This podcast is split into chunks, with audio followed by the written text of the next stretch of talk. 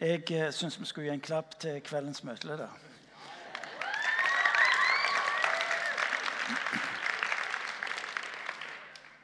For de av dere som er her for første gang eller ikke har vært så mange ganger og usikker på hvem hun er, så er det altså, for du presenterte deg ikke innledningsvis. Hun heter nemlig Irene Cave. Og er da i tillegg eh, mor til mine barn.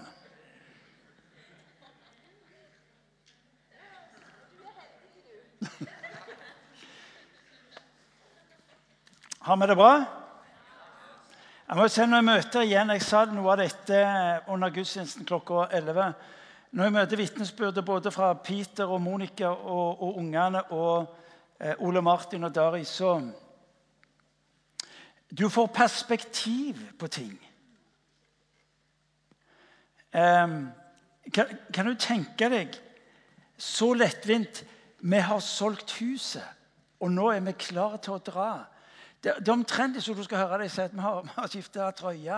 Og og nå skal, der, der, ligger noe av en commitment. Hva i all verden så får de til å gjøre det der?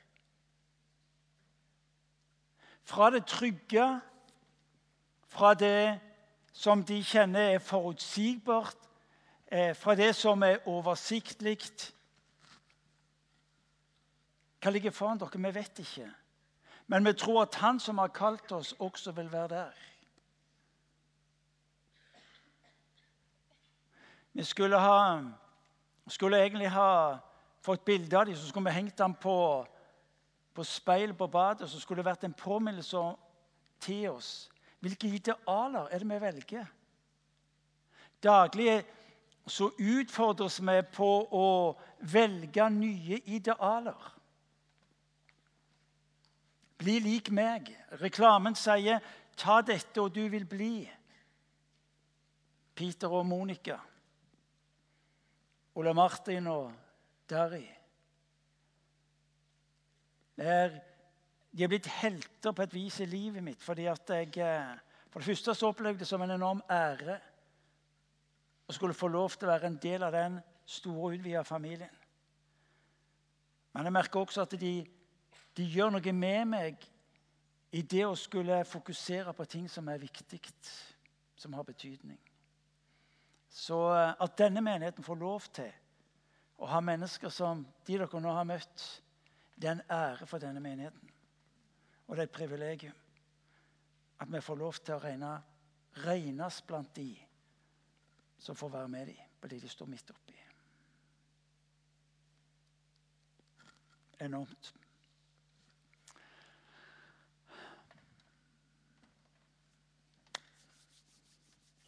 Det er, det er sterkt. Jeg må si det. Det er sterkt.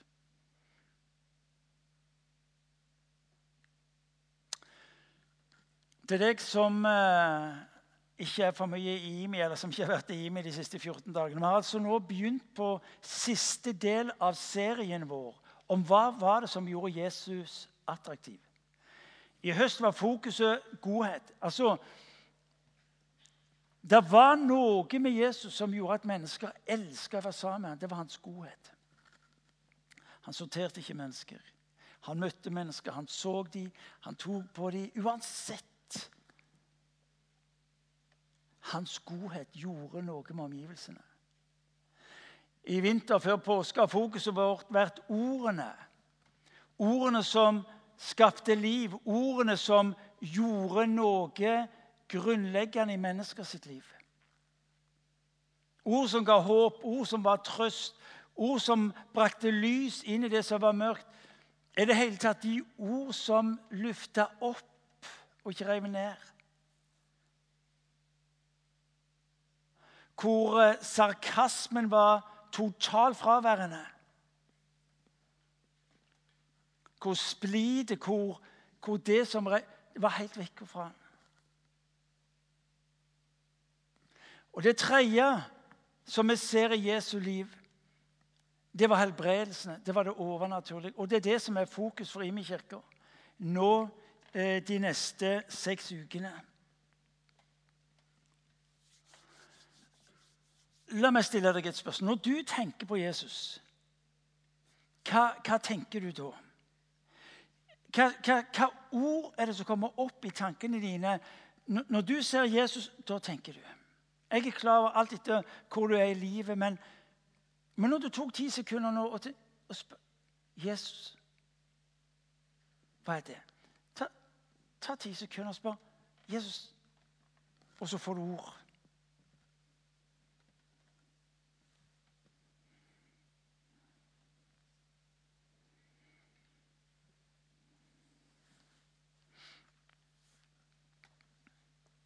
For noen av dere så vil ordet være venn. Jesus er min venn. For andre igjen så vil ordet gjerne være konge, allmektig Gud, frelser, frelseren. Kanskje var det noen som tenkte Jesus er lik helbrederen.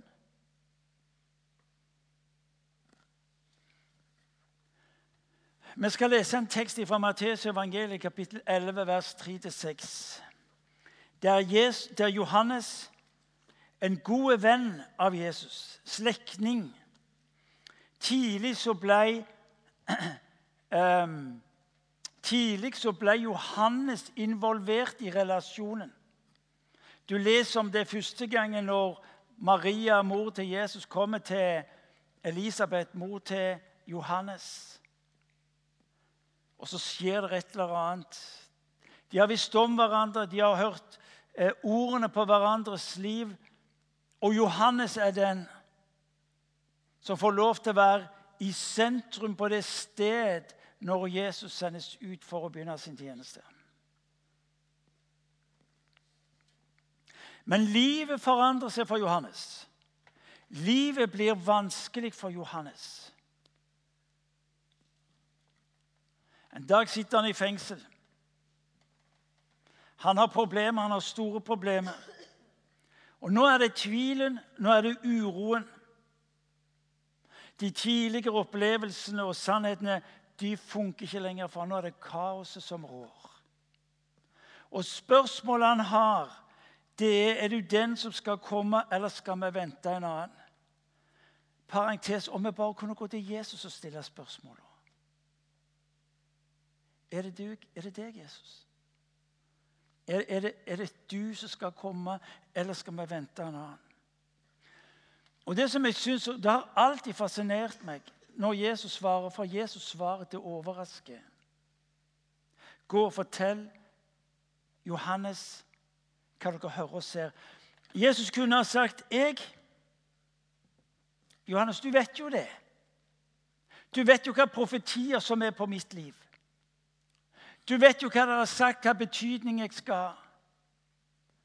Du vet jo at Og så kunne han ha begynt å ramse opp om alt det som ble sagt om hans person, men det han gjør Han ber vennene til Johannes om å gå og fortelle hva dere hører og ser. Og dette er uhyre viktig. Dere ser at blinde ser, lamme går, spedalske renser. La oss lese teksten.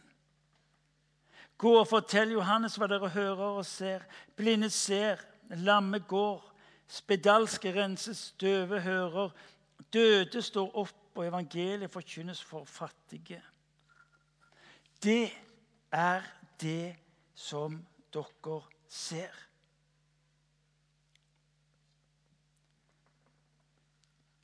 Johannes, relater nå til det du hører om meg. Husk hva du har hørt ifra det profetiske ord. Og hva er det Johannes har hørt ifra det profetiske ordet om Jesus? Når, han, når Jesus nevner konkret hva som har skjedd, hva som skjer Han henviser til profeten Jesaja, som snakker om de blinde som skal se, om de lamme som skal gå, om spedalske som skal renses. Han, det Jesus i realiteten gjør, han, for, han griper tak i det ytre for at Johannes skal forstå hva som er skrevet om han.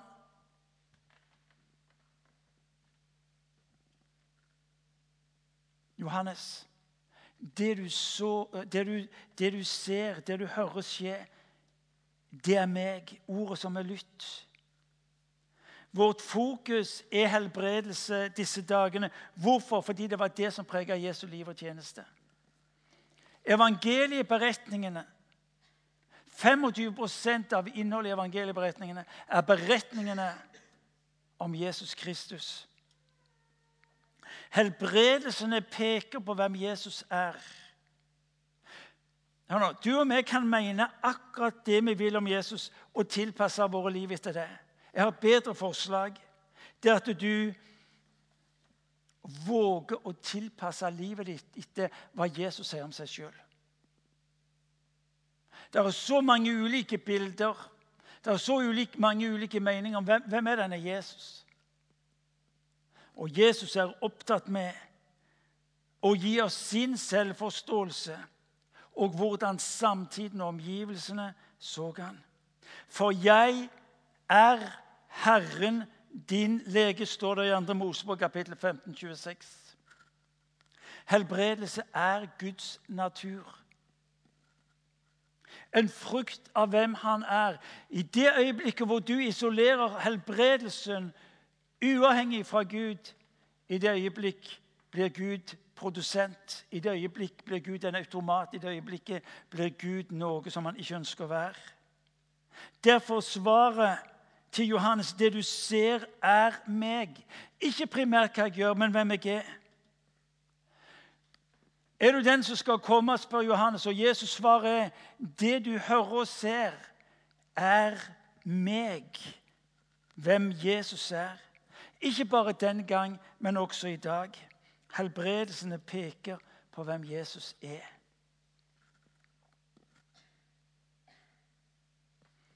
Jesus forstår seg sjøl som Messias, den salvede frelseren. Men også omgivelsene forstår han som det. Hvordan? Ved det de møter i helbredelsene. Helbredelsen har et siktemål å gi deg bilde av hvem Jesus er. Derfor er det så viktig for oss, og dette leser du også det bibelske vitnesbyrdet. I Jesu liv må altså frelsen forstås både som frelse fra synden, når han tilgir oss syndene, men også frelse fra sykdom. Jesus helbreder. Det er jo dette som er tydelig i hans virke. Når profeten Jesajas i kapittel 53 skal beskrive Messias som den lidende tjener, da er det to bilder som fremtrer. Det ene bildet er han bar våre synder og så står det at han bar våre sykdommer. Presentasjonen i Gammeltestamentet er nettopp sammenhengen mellom Jesus' helbredende gjerning og Jesus som frelsesperson. Helt sentralt. De er, de er knytta sammen. Og det er denne røde tråden fra Jesu virke som går gjennom hele kirkens historie fram til livet i dag. I apostlenes gjerninger, i urkirken, fremheves helbredelsen som nettopp en bekreftelse på at Jesus var den han sa han var. Helbredelse åpenbarer på den ene sida Jesus' guddommelige natur fordi han gjør ting som et naturlig menneske ikke kunne gjøre, og som oppfattes som fysisk umulig. Men det det oppsummerer, det er at helbredelsene tydeliggjør at Jesus var noe mer enn bare en god mann. Han var Messias, frelseren, Guds sønn. Og så ser vi hva som blir vitnesbyrdet fra omgivelsene. I møte med helbredelsene så står det interessant, så priser de ikke Jesus, men de priser Gud. De begynner å lovprise Gud. For gjennom Jesu gjerninger får de øye på Han som er Gud. Fjerde Mosebok leser vi en interessant beretning som tar dette opp. Kobberslangen. Folket har synda. Folket venter Gud ryggen med klaging, sutring. Og så leser vi om at folket eh, invaderes av slanger. Og Moses får beskjed om at du skal henge opp en kobberslange. Og når israelsfolket ser på kobberslangen, så skal de Og det er to ting som skjer. Det ene er at eh, de blir helbreda fra giften, og de berger livet. Han både helbreder folket sine sykdom, men han tar også og frelser dem ved det fra døden. Det er jo interessant eh, vitnesbyrd. Vi ser også hvordan Nikodemus i Johannes evangeliet kapittel 3 vers 2 eh, Denne lærde mannen som, som, kom til Jesus om natta. Og så sier han til, til Jesus at eh, din lære er spesiell. Den er annerledes, den anerkjennes. Men det er tegnenes vitnesbyrd. Men det er tegnene som er vitnesbyrd på at han er fra Gud. Det interessante er for oss er altså på den ene sida læren anerkjennes. Men det er vitnesbyrdene om tegnene om, som gjør at Gud var med ham. Altså, Nikodemus er sammenholder. Ordet, formidlingen, sammenholder det med tegnene. Nettopp å sammenholde det skapte også tillit til den han formidler. Frelse, som i stor grad er et relasjonsbegrep, har med hele mennesket å gjøre. Ikke bare sjela. Frelsen kommer alle sider ved menneskets liv fordi at relasjonen til Gud er blitt fullkommen. Vi er blitt Guds barn. Det betyr ikke at vi er fullkomne fordi synden fremdeles er en realitet i denne verden. For å forstå frelsesmotivet ved helbredelse skal, må også Bibelens holistiske menneskesyn tas på alvor. Bibelen er opptatt med formidling at når Jesus dør på korset, har det konsekvenser for ånd, sjel og legeme.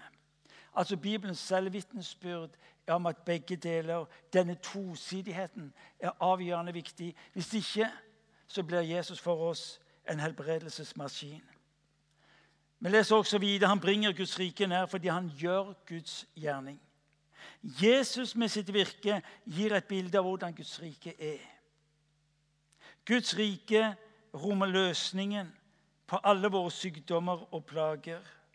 Ordet demonstreres ved helbredelsen at Guds rike kommer nær. Og så blir eh, gjerningene en bekreftelse. Eh, vi leser i, i, eh, i, i den bønn som Jesus gir oss, nemlig Fader vår så ler vi sterkt i bønnen om å la ditt rike komme. Denne bønnen forstås både som aktuell og virkekraftig.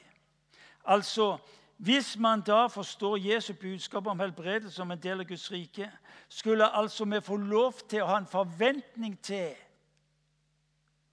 at gjerningene ble synlige mellom oss, fordi det, det ligger i Guds anliggende for våre liv. Jesus' og, ø, offentlige virke var for disiplene helt avgjørende. Det er forkynnelsen og det er undergjerningene som skal vektlegges. Og en klar forståelse av at dette skulle være kirka sitt mandat i tida som kommer. Jesu utsendelse av disiplene som en universal utsendelse er en modell. Ordet og gjerningene. Det kan nesten virke som det er en for enkel modell, nemlig å forkynne og demonstrere. Allikevel så er dette blitt en av de største utfordringene for Kirka i vår tid. Den har alltid blitt problematisert opp gjennom historien. Og det er et faktum at den i dag er blitt mindre og mindre viktig for Kirka. I dag er vi sterke på ordene, mens gjerningene i større eller mindre grad er fraværende. Ut ifra det bibelske materialet, ut ifra Jesu egen selvbekjennelse, er det vanskelig å forstå eh, undergjerningene som noe annet en naturlig del av forkynnelsen vår. Ordene må altså følges opp av gjerningene som det tales om. Hvordan er din Jesus? Hvordan er din Jesus? Ja, Er det så viktig? Ja, det er viktig fordi at det vil avgjøre hvordan du oppfører deg overfor ham. Dere har hørt bildet brukt mange ganger før, men gjerne igjen. Det er et faktum at eh, Miriam Irene og han Therese Cave de oppfører seg annerledes overfor meg.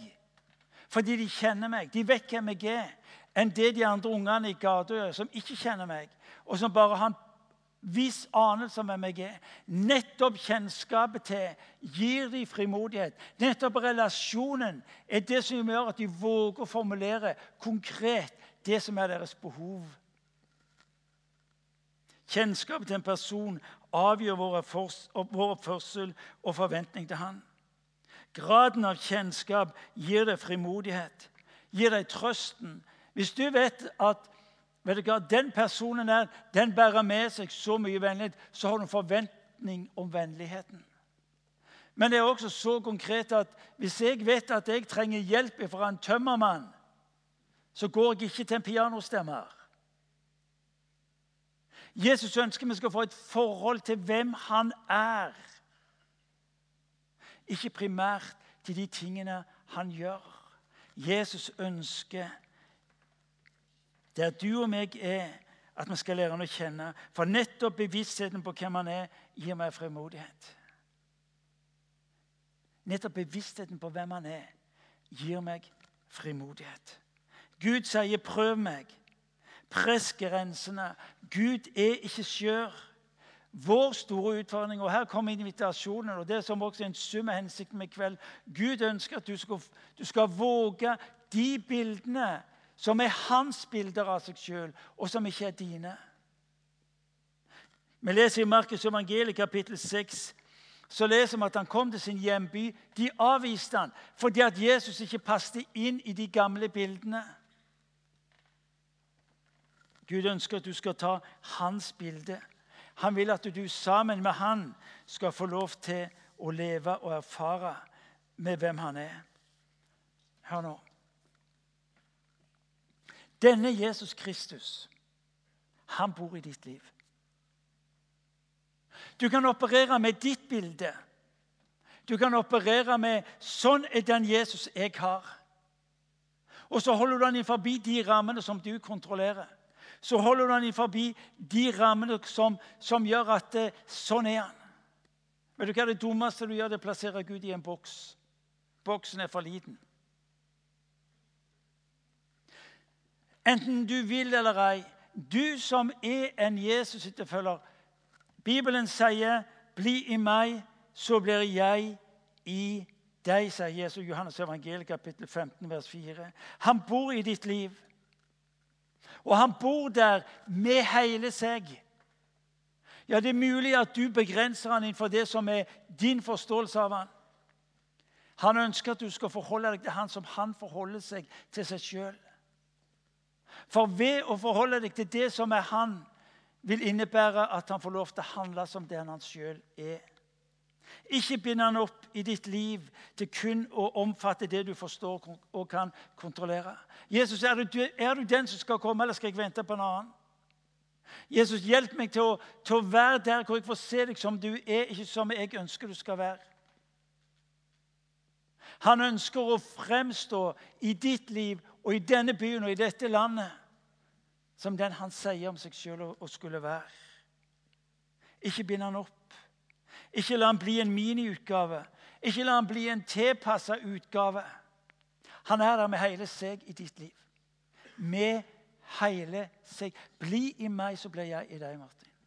Så blir jeg i ditt liv. For det som er poenget, 1. Johannes brev, kapittel 4, vers 17. For vi er slik som Han er i denne verden. For vi er slik som Han er i denne verden. Ja, Er det miniutgaven? Er, den, er det den kompromissutgaven. For vi er slik som han er i denne verden.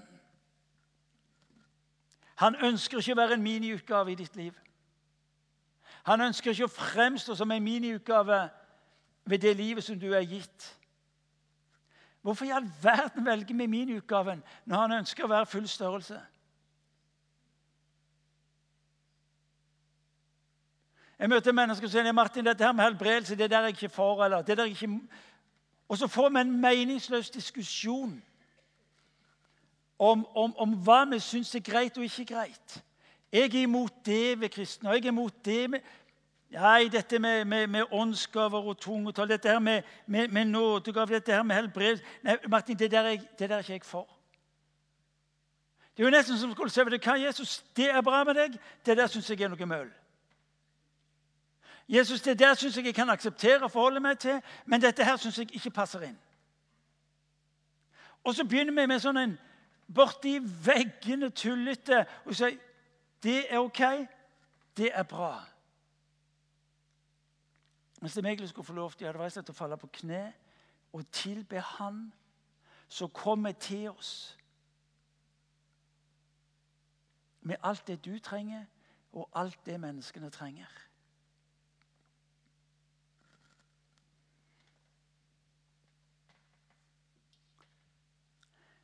Bibelen rekker deg et liv som er unikt og annerledes. Ikke reduser det seg til noe du kontrollerer. Vet du hva? Det er helt uinteressant for denne verden. Ok, sier du, men Hvordan får jeg et rett eller korrigert bilde eller forhold til Jesus? Utgangspunktet er veldig enkelt. Hva sier Bibelen? Når Gud vil at du skal få et rett bilde av han, så starter han med Bibelen. Og la Bibelen være utgangspunkt for det du får lov til å se av han mer og mer. Om du vil, Guds ord er stedet hvor hvor Guds ånd gir deg nye bilder, nye åpenbaringer av hvem Jesus er, og hva han ønsker å gjøre i ditt liv. Ditt forhold til Bibelen sier hvem du tror på Jesus. Ditt forhold til Bibelen vil avgjøre ditt forhold også til helbredelse.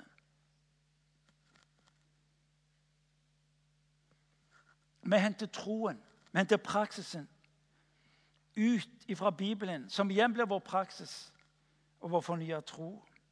Tro fødes og næres når Guds ord og erfaring får åpenbare nye sider av Jesus Kristus.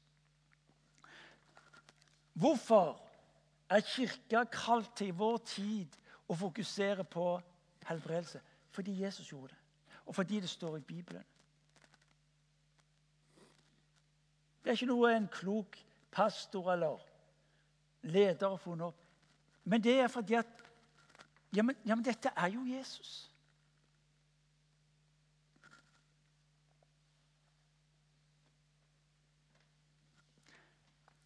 Hvis ikke Bibelen får lov til å være utgangspunktet for bildene av Jesus Kristus, så vil tradisjonen gi det deg. Eller så vil dine egne tanker og dine egne erfaringer gi deg disse bildene. Hva sier Guds ord? Jesus, er du den som skal komme, eller skal vi vente på en annen? Guds ånd vil henvise deg til sitt ord, og med ordet som utgangspunkt vil han gi deg de nye bildene som du trenger, som denne verden trenger.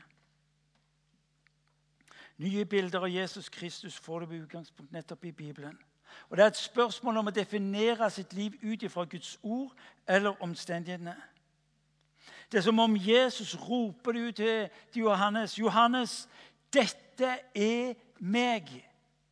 Når du hører om blinde som ser, lamme som går, eh, spedalske som blir rene, døde som vekkes opp. Så ikke se primært hendelsene, men i det får du bilde av meg.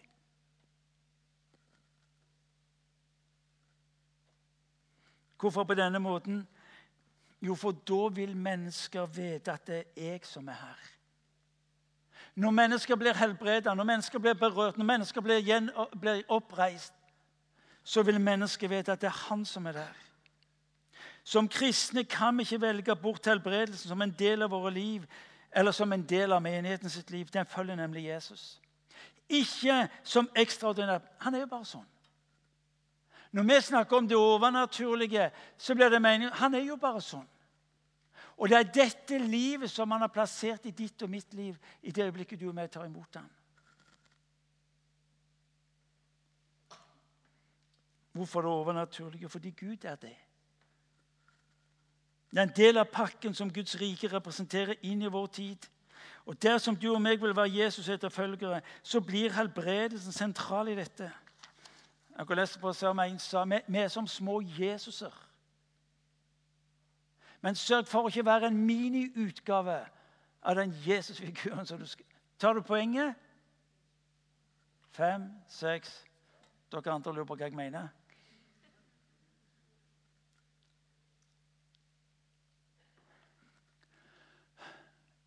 Det vi forsøker på, det jeg forsøker på i kveld, det er ikke la fokuset ditt være på helbredelsen, men på Han som er helbrederen. Som aldri har løsrevet dette fra sitt eget liv, men som sier det meg. Forkynnelsen om Jesus Kristus er ikke fullstendige og må utelate det overnaturlige som en del av hans liv. Jesus ber om å bli identifisert med hva mennesker ser og hører. En gang til. Jesus ber om å bli Johannes, hør, se. Og det du hører og ser, Johannes, det er meg. Det er ikke først og fremst noe jeg gjør her borte, men det er faktisk meg.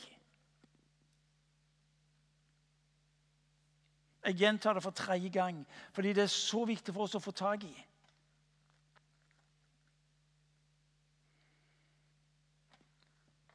Det du hører og ser, det er meg. Hvorfor blir da helbredelsen Hvorfor blir da dette at mennesker gjenoppreises, dette at mennesker erfarer Gud er nær Hvorfor blir det så viktig? Jo, fordi de får øye på Jesus. Vi er eksperter på ord i kirka vår. Jesus var også ekspert på ord. Og En skulle nesten tro at det, det holdt.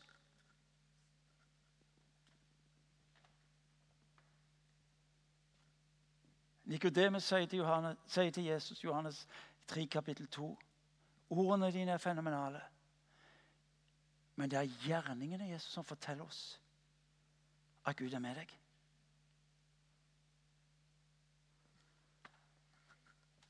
Jesus holder dette sammen. Og Hvis dette var sannheten om Jesu liv, hvor mye mer trenger ikke vi? Fordi at folk skal bekjenne om kirka vår i dette huset og andre steder. Når vi ser gjerningene så forstår vi at Gud er med dere. Jeg skal begynne å slutte.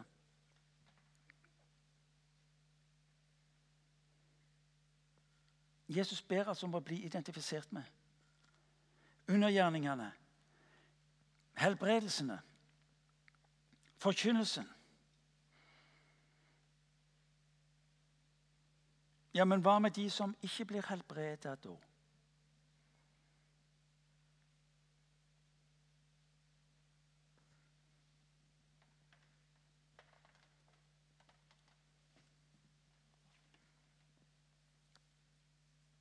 For det skjer. På den ene sida opplever vi i min kirke mer helbredelse enn vi noen gang har sett. Og samtidig så opplever vi at folk rundt oss dør og bærer på tunge, krevende sykdommer. Det er gyselig.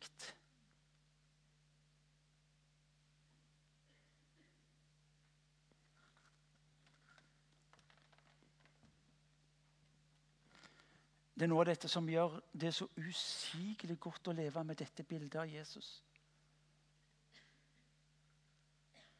Hvor han kommer altså nær. Som den han er. Og ikke bare en som deler ut vilkårlig. Hvorfor alle ikke blir helbredet, det vet jeg ikke. Vi forsøker i vår teologi å snakke noe om nå og ennå ikke. Vi lever i en verden som fremdeles preges av synd, og Guds rike har ikke brutt inn i denne verden til fulle. Men hvis Han som er helbrederen, kommer meg nær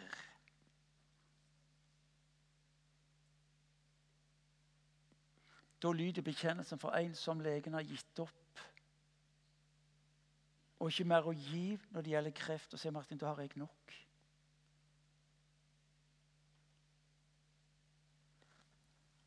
Vi skal, vi skal, snakke mer om dette litt senere i uh, ukene som kommer. Men jeg tror det er derfor det er så avgjørende viktig for Jesus å ikke bli identifisert med en som bare gir ut ting. Men at mennesker skal forstå det er meg. og jeg kommer deg nær. Som den som gir styrke, som gir hvile eller helbredelsen, som erfarer relasjonen, som vet og, og som kjenner og som bekjenner. Jeg skjønner ikke hvorfor, men takk, Jesus, fordi du er her. Disiplene hang med Jesus og ble lært opp av Jesus. Vi som menighet vil gjøre det samme. Derfor er det at vi også har i menigheten ulike former for arbeid når det gjelder helbredelse. Vi har bønn som dere ser skjer i forbindelse med gudstjenesten.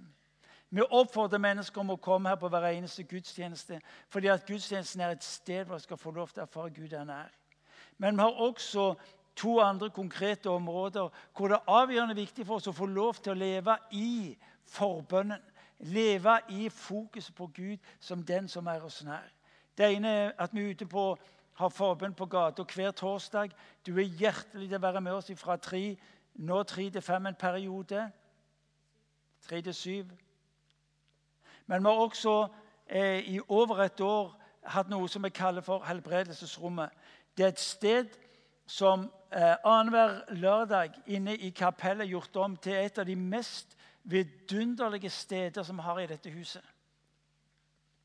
Hvor vi får lov til å være for Guds ansikt med våre liv. Hvor lovsangen, hvor åpenhet for det Gud kommuniserer med oss, er det som treffer oss. Og hvor mennesker kommer med sin nød og smerte. Svært mange mennesker kommer. Og Den atmosfæren av å være der som jeg syns er helt spesiell. Jeg er sjøl ikke med på teamet, men det å få lov til å være der og bare merke Guds nærvær, er helt spesielt. Nils Einar er en av de som leder dette teamet. Nils Einar, kanskje du kommer fram, og så må jeg få stille deg et par spørsmål. Gir han en god klapp.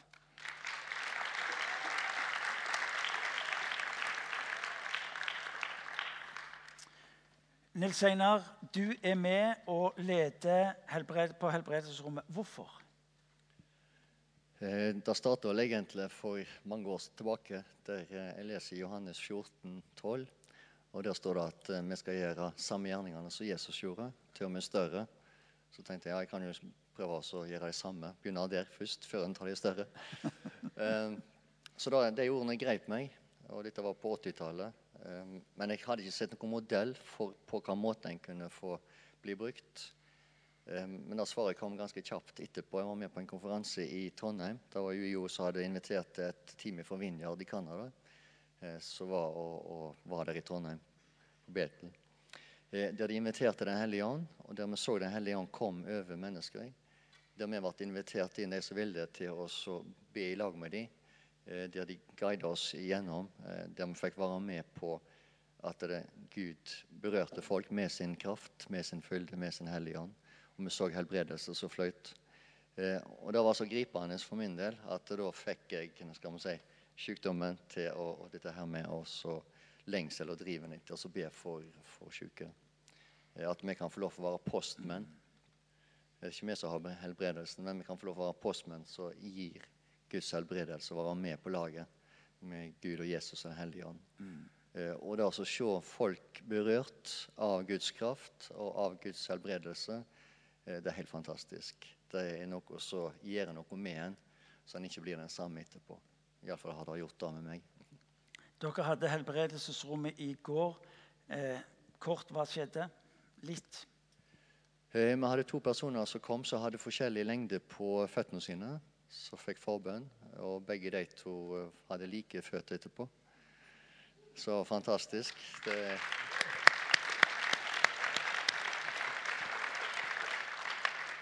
Det er jo et, et mirakel i seg sjøl. Eh, vi hadde en ikke-kristen som var innom. Eh, og det er jo fantastisk flott at ikke-kristne òg kommer innom. Og hadde, hadde sett uh, tilbudet vårt i avisa og klippet ut annonser og hatt den et par uker før en da tok mot til seg og så gikk på helbredelsesrommet.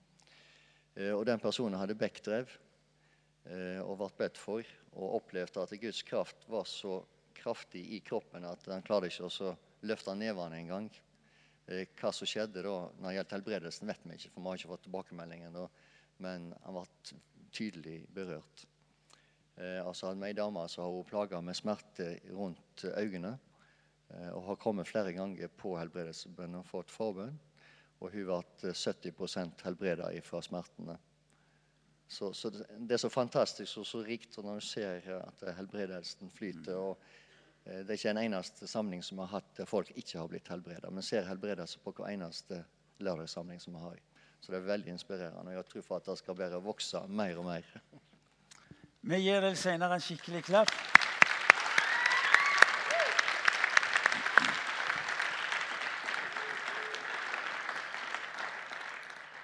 To ting. Ja, men er det så viktig, da? Ja, vi sorterer, men for de som har problemer, er det ganske sikkert viktig nok. Videre så er det et poeng for oss å få lov til å være tro mot det Gud kaller oss inn i, for så å vokse i det han gjør mellom oss. Ja, Man kan gjøre det med de som ikke blir friske. Ja, vi taper kamper. Men vi slutter ikke å spille. Et lag slutter ikke å spille fordi om det taper kamper. Og Slik er det med oss også. Helbredelsesrommet og det livet vi har i dette huset, og det du skal få lov til å være en del av, det å være en del av å spille kamper så vi ser at vi i øyeblikket taper. Men ved å få lov til å være tro med det Gud tar oss inn i, så kan vi også få lov til å se at stadig flere får erfare. Hva er det de får lov til å erfare? Som jeg leste fra andre Mosebok. Jeg, Herren, er din lege. Vi skal få lov til også på denne gudstjenesten som har sagt vi vil gjøre på gudstjenesten utover. Vi vil be for hverandre her vi sitter. For det som skjer i gudstjenesten, det gjør noe med oss. Det hjelper oss til å forstå at gudstjenesten skal være et sted hvor ordet lyder, men det skal også være et sted hvor mennesker erfarer og får se Guds gjerninger mellom oss.